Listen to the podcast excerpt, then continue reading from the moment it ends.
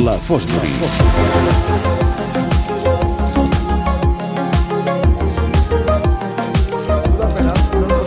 I ara, bueno, callaràs, Carmeta, Perdona. o no callaràs? Quan vulguis Us estic fent un regal. Vull que, vi que visqueu un moment Fosbury, que no teniu ni Ah, no, no, sí, que idea. a mi m'encanta. És una de les Sí, sí, seccions sí. més espectaculars del programa. Acaba d'arribar el Roger Castillo. Bona nit, Roger. Bona nit. Uh, li demano a l'Oriol moltes disculpes. Ara anirem a parlar amb l'Oriol Rodríguez perquè ens ha d'explicar uh, que pràcticament segur uh, Alonso no correrà la primera prova del Mundial de Fórmula 1, que, que avui s'ha sabut, eh, i ens explicarà el per què. Però abans eh, mo- vivim el moment Fosbury, ja que esteu tots aquí, perquè és espectacular. Avui parlem de ciclisme. Avui ciclisme perquè ha Per començat la temporada. Podríem dir que Ah, ara, molt bé. el mes de març, és quan comença després els Tours d'Omans, Dubais i totes aquestes històries que no serveixen per res. Ara comencen doncs, els dos mesos millors, podríem dir, de l'etapa ciclista, que és a Murs, Pavés, les Ardenes, les grans clàssiques, quatre dels cinc monuments, eh, tenim la Lieja-Baston-Lieja, tenim la París-Roubaix, tenim el Tour de Flandes, tenim la Milan-San Remo, tot això en dos mesos, per tant, més enllà del Tour de França, més enllà de la Vuelta o del Giro, ara és quan els aficionats al ciclisme comencen a gaudir de la temporada amb tots els ets i uts. I això ens porta a parlar d'alguna de les històries del ciclisme, que n'hi ha moltíssimes, n'hi ha per donar i per vendre, Sí. i n'hem intentat triar una doncs, d'aquestes que no són especialment conegudes amb un protagonista que sempre ha quedat en segona fila, tot i que té un palmarès d'aquells que és per treure's el barret i dir xapó. Estem parlant de gent Stablinski. No sé si el nom algú li sona d'aquesta taula. Pues que no no miris. Polidor. Doncs mira, és de l'època Polidor. Precisament ja hem situat gran- en El l'època. gran segon. Exacte. Dins els grans segons hi havia grans segons que guanyaven però que no eren coneguts com a perdedors però que també competien en aquell moment. Estem parlant eh, d'un senyor que neix el 1932, que neix a, a França, en una petita localitat, al nord de França. Aquest cognom Stablinski probablement us destarota una miqueta amb, Sí, el, amb França. sí, sí. De fet, va néixer com a agent Stablewski i tenia orígens polonesos. Els seus pares eren de Polònia, s'havien adreçat doncs, cap a aquella zona, a Arenberg, eh, hi havia una mina, el seu pare era miner, va trobar feina allà i doncs, per tirar endavant la família el que fes falta. Aquest desplaçament va tenir un moment tràgic quan el seu pare va morir a la mina, ell tenia tot just 14 anys, el jove Gen, Stab Gen Stablewski, i això va portar doncs, a que canviés un xip en la seva trajectòria, doncs, fill de família humil i obrera, a haver d'assumir les regnes de la família, doncs, anant a la mina a treballar ell i, per tant, intentar doncs, aportar ingressos a casa. déu nhi el començament, perquè 14 parles de la mort del pare amb 14 anys, eh, és a dir, estem parlant del 46, tot just Sí. acabada la guerra, pràcticament. Correcte, perquè- més en època, eh, la si la segona- definim en tota la context, Mundial, bèstia. eh? El context també ajuda a entendre que aquesta persona, més enllà de treballar a la mina totes les hores que fes falta, tenia algunes aficions. Era jove i tenia aficions diverses, entre elles tocar l'acordió. Es va presentar a un concurs d'acordió, tenia molt de talent, el va guanyar i en aquest concurs regalaven una bicicleta. I és aquí, als 15 anys, quan comença a agafar la bicicleta per anar a les mines d'Arenberg i de, cada dia fa el mateix recorregut en bicicleta, un tram duríssim, un tram doncs, que després serà molt conegut al llarg de la història i que després en farem, en farem referència.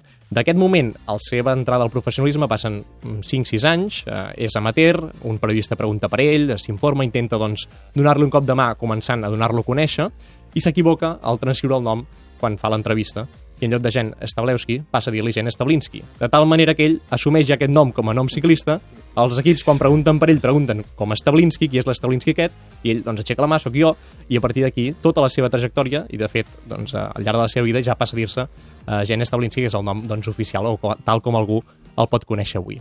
De la seva trajectòria professional, 1954 guanya la París-Bourges i a partir d'aquí comencen a guanyar triomfs, triomfs, triomfs, Guanya una Vuelta a Espanya, 1958, amb dues etapes, guanya etapes al Tour, al Giro, a la Vuelta, s'endú clàssiques com l'Amstel Gold Race, s'endú la París-Brussel·les, per tant, una persona molt completa, i guanya un campionat del món en ruta.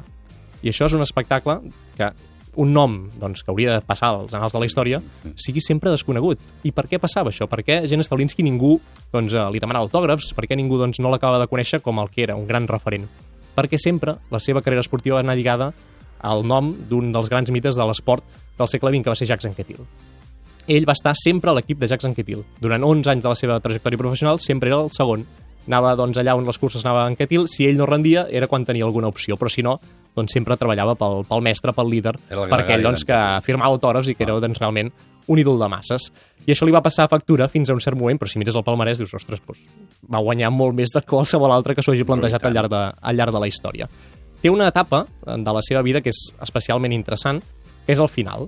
Del 66 al 68 podríem dir que són els seus tres últims anys en competició i també són definidors d'una trajectòria i d'un moment de l'època ciclista que ens explica en part el ciclisme a partir de les properes dècades fins a dia d'avui, que és el dopatge. Perquè el 1966 hi ha un senyor que es diu Domà, que és metge, que entra al Tour de França i demana doncs, que es controli la salut dels ciclistes. I ho demana perquè els ciclistes, sense cap mena de rubor, amb naturalitat, perquè era lògic, doncs explicaven a qualsevol entrevista de l'època, si sortia el tema, perquè no era un tema que estigués sobre la taula, doncs que evidentment prenien píndoles estimulants o el que fes falta per guanyar si tothom ho feia i evidentment doncs, si podies aguantar millor els esforços i era un rendiment més que, que ningú es posava en dubte No en temes està- de salut no o en estava temes de prohibit. trampes. No estava prohibit i a més a més no estava mal vist, que aquesta seria una cosa que ara Eh. ens podria xocar bastant. Aquest senyor, el Domà, es, eh, va, va sol, diguéssim, contra, contra un mur el 1966 i, esta, i estableix el primer control antidopatge de la història en el ciclisme. Ho fa de tal manera que envia uns senyors a un poble on estan dormint els del Tour i el comencen a preguntar qui és ciclista? Aquell d'allà. Tu has corregut? Sí. Estàs al Tour de França? Sí. Pots venir un moment? No. Per què? Tal. De tal manera que de tots els ciclistes que van trobar, només un va passar el control antidopatge, que era Polidor. Polidor, que sempre ha a la història per diverses coses, doncs aquest seria un dels seus elements eh, definidors. Això va provocar l'anuig dels ciclistes d'una manera descomunal. No entenien per què passava, l'endemà van fer vaga, va ser una vaga sonada, i el gran líder de la vaga va ser Jan Stawlinski, que el van sancionar dos mesos doncs, sense competir.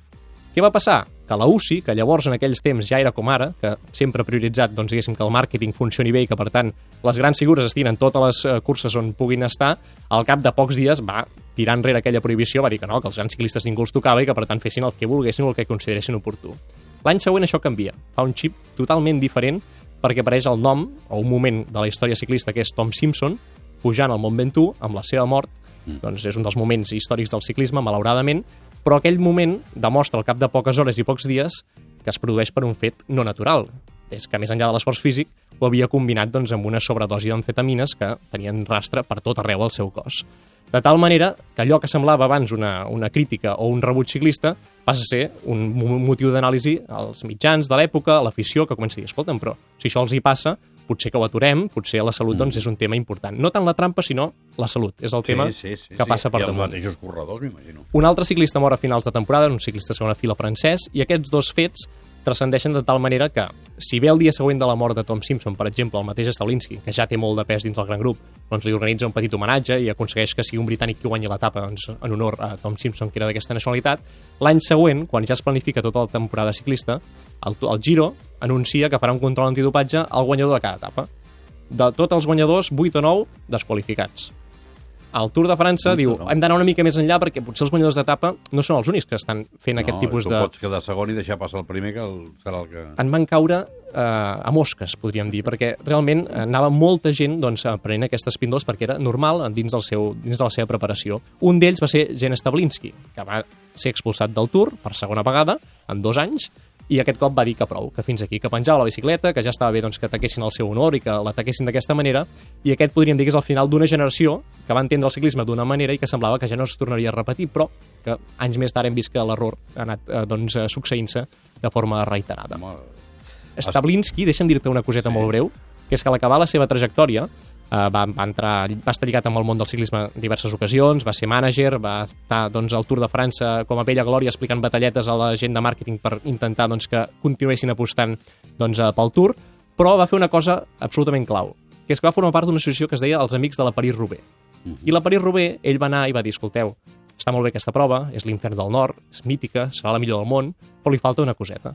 Li falta el tram d'Arenberg que jo feia cada dia amb la meva bicicleta per anar a la fàbrica, per anar a la mina, i que és un tram brutal, que és, ens ha donat segurament les imatges més precioses del ciclisme dels darrers anys i que a dia d'avui doncs, continua sent considerat el punt clau d'aquesta prova on es produeixen les escapades definitives o allà on es decideix la prova. Per tant, un senyor Stablinski que si avui el poseu segurament a Google, el primer que us sortirà serà que és l'inventor o el descobridor d'aquest tram de, del d'Arenberg, del bosc d'Arenberg, un tram clau de la història del ciclisme.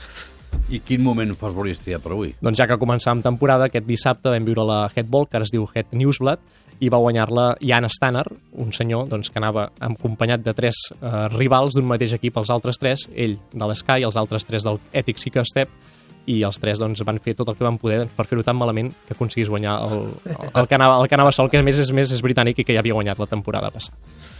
Ara enteneu per aquesta secció amb té el cor robat. Moltes gràcies, Roger. A vosaltres, com sempre.